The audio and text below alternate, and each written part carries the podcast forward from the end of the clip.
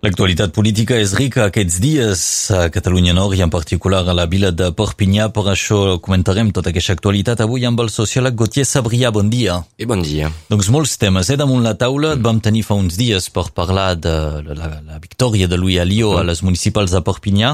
Ja està, s'ha fet el Consell Municipal eh, d'investidura. Uh -huh. S'havia de subtitular, de traduir al català el discurs de la Lió, tota la sessió, sabíem pas massa com aniria. Finalment, eh, ningú ha sentit res en català. No, eh, o en tot cas, l'informació ha pas, ha pas sortit, que perquè igual és veritat que ça, potser s'ha fet de manera interna, eh? diguem que jo ho he, ho he seguit des d'internet i en tot cas a internet hi havia pas, eh, hi havia pas cap traducció. No, no. Um, un cop de comunicació, potser? Uh, veieu, veieu, sí. Uh, en pres crec que ens hem de que Bé, aquest tema, finalment, sempre ho, ha, ho l'únic del seu partit a, a així uh, pas tenir por de, i, i finalment fins i tot utilitzar una altra identitat que, que pas la francesa. Uh, ho veiem, sempre té petites banderetes i, i, i veieu també és una manera de, de continuar en aquest, uh, en aquest context eh, i en aquesta idea i sobretot veurem quin ús fa del, del català. Podem pensar que ràpidament es pugui, eh, una cosa que veieu havíem pas vist arribar, pugui eh, convertir una mica aquesta catalanitat en una eina política, perquè finalment eh, perquè finalment és això, és a dir que quan, quan parles un poc d'aquest tema amb ell, Uh, de seguida ell fa referències a, a les arrels, diguem, uh, que tenim tots, uh, greco-llatines, bla, bla, bla, bla. Um, I jo sempre me pregunti si finalment aquesta identitat l'utilitzarà pas com, uh, com una eina de, de discriminació, finalment. Perquè avui en dia, um, dir a gent que tenen arrels de l'altre costat, per exemple, del, del Mediterrani que, que són pas francesos és complicat perquè ara s'ha integrat més o menys bé en la societat francesa que la migració forma part de l'identitat francesa. Uh, a canvi, sí que veieu pot utilitzar l'identitat catalana per això, per mm. una mica marcar una, una diferència entre uh, i discriminar, veieu, una, una part de la població uh, perpinyanenca.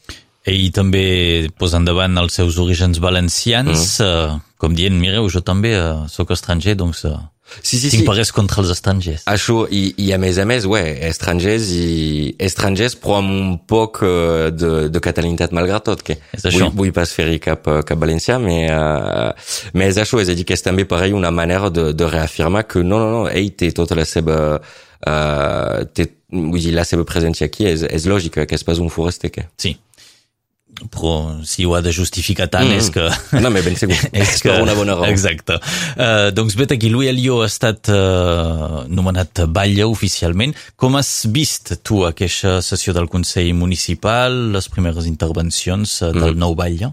Bé, primer de tot, uh, ara que acabem de parlar de, del tema del català, uh, si escolteu els seus primers mots, llavors comença per donar les gràcies als perpinyanencs, parla del de la bellesa del Rosselló i après de seguida uh, parla d'identitat catalana uh, que això és molt fort que, que, que surti tan ràpidament i, i si surt tan ràpidament torni un poc amb el que he dit abans és que ho utilitzarà és a dir que esdevindrà ben bé una eina pensi pareil. Après al nivell del discurs bé, prou moderat eh?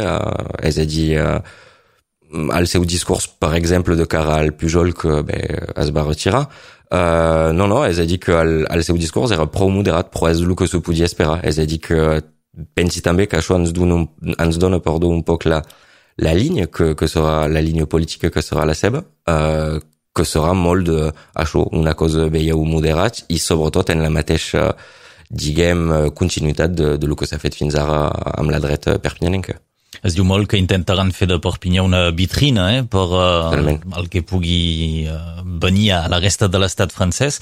Per tant, s'espera que vagin cap a una bona gestió, no pas una gestió totalment. polèmica o radical d'extrema dreta. No, no. Me, me tens totalment raó i, i ell, quan va ser elegit fa una setmana, el seu primer discurs a la premsa, al cap de dos o tres minuts, ho va dir ell clarament que Perpinyà s'havia de, de convertir en aquesta vitrina. És a dir, que Perpinyà havia de, de donar ganes a, a més gent uh, de boutade d'aquí sis anys uh, al, al Rassemblement Nacional i fins i tot ell va parlar d'altres eleccions, és a dir, de les presidencials, és a dir que ara pareil, Perpinyà de ser, ouais, voilà, el seu, el seu petit uh, laboratori, la seva vitrina, uh, per donar gana a la gent i, i sobretot per, per mostrar que es pas greu entre cometes de, de tenir un, un, un ball d'extrema dreta. Recordem encara un cop eh, que, que tot el tema de, bé, de la desdiabolització és, és un poc el seu càrrec des de, des de fa anys i és ell que porta una mica tot aquest tema, així que bé, Perpinyà serà el,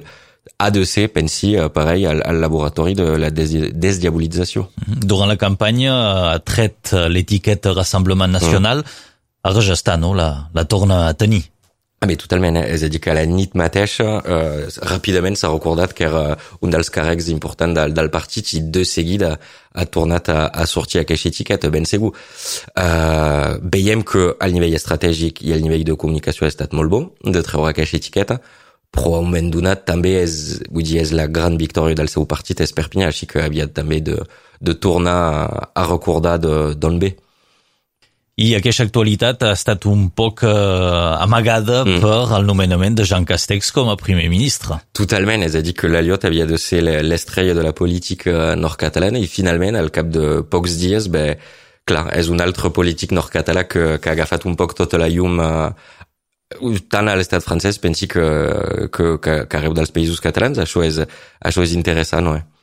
Doncs, uh, un ball de Perpinyà amb arrels valencianes que mm. reivindica que la seva família doncs, parlava el, el valencià, que sembla que hagi fet primers mots sobre el tema de l'identitat mm. Uh, catalana, un primer ministre que parla català, no, no, no, tot, tot, va, tot va bé, no? Tot va bé, ouais. Si pas per què ens queixem, eh, finalment.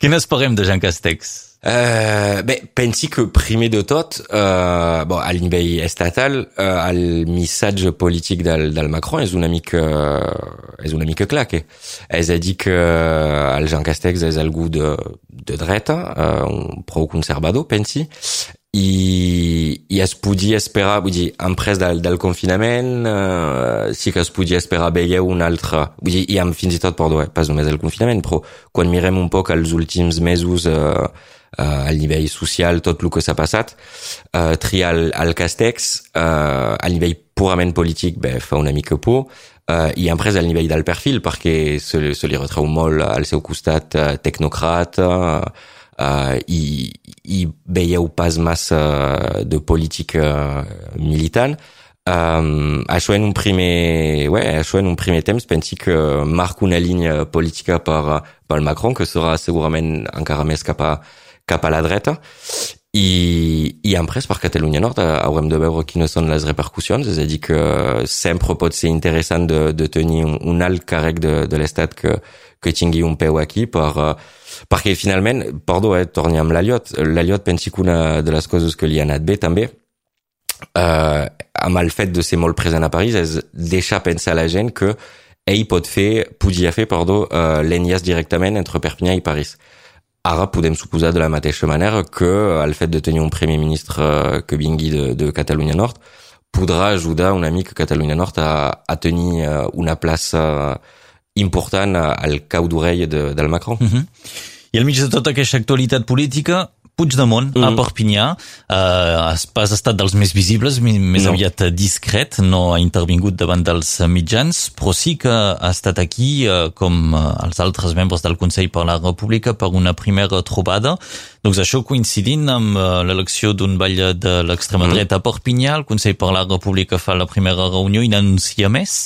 Eh, com, com, com ho veus, això, aquesta cohabitació? Eh bé, això és interessant perquè uh, sí que, bon, bé, acabem de dir que l'Aliot farà, farà polit amb, amb el tema del català, uh, però quan escoltem una mica la seva visió, sobretot de cara al sud, ell té un discurs uh, més aviat anti-independentistes. Independentista, perdó.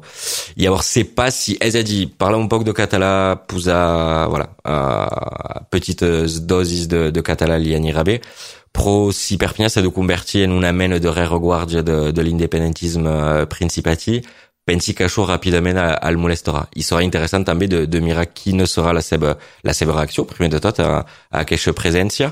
Uh, recordem que havia criticat uh, uh, el fet que el Puigdemont doni la, la seva, el seu suport perdó, al Pujol.